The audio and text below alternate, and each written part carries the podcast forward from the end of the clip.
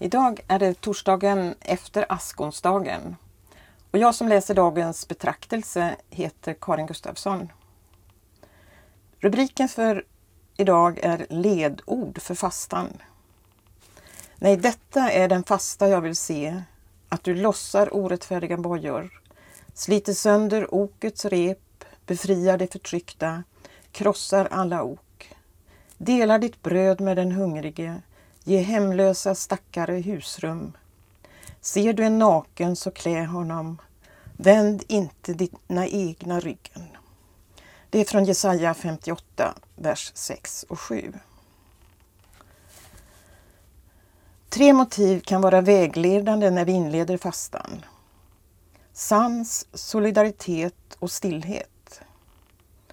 Sans handlar om måttfullhet.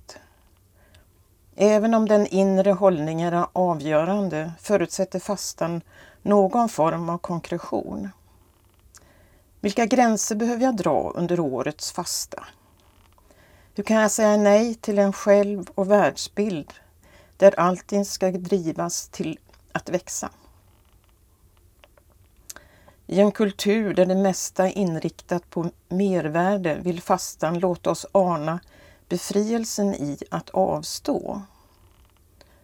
Vad innebär det att äta mindre, köpa mindre, resa mindre och tjäna mindre?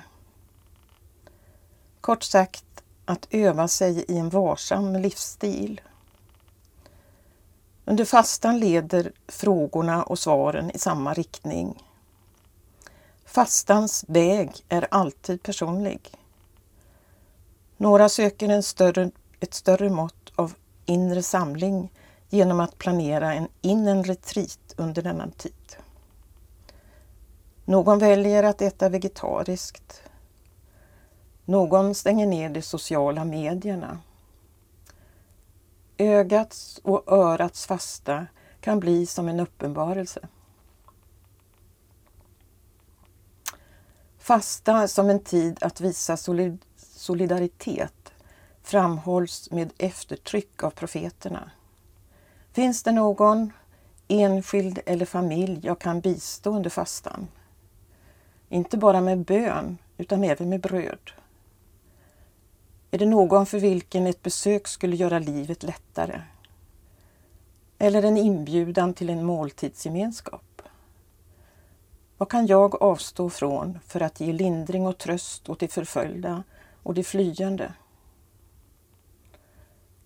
Våra liv behöver tider när det inte är den som betalar bäst som får oss. Fastan är en sådan tid. Stillhet är det verktyg som gör oss närvarande inför den stora närvaron. Bliven stilla och besinnen att jag är Gud. Med blicken vänd mot Jesus blir fastan en vandring i kärlek, inte självspäkning.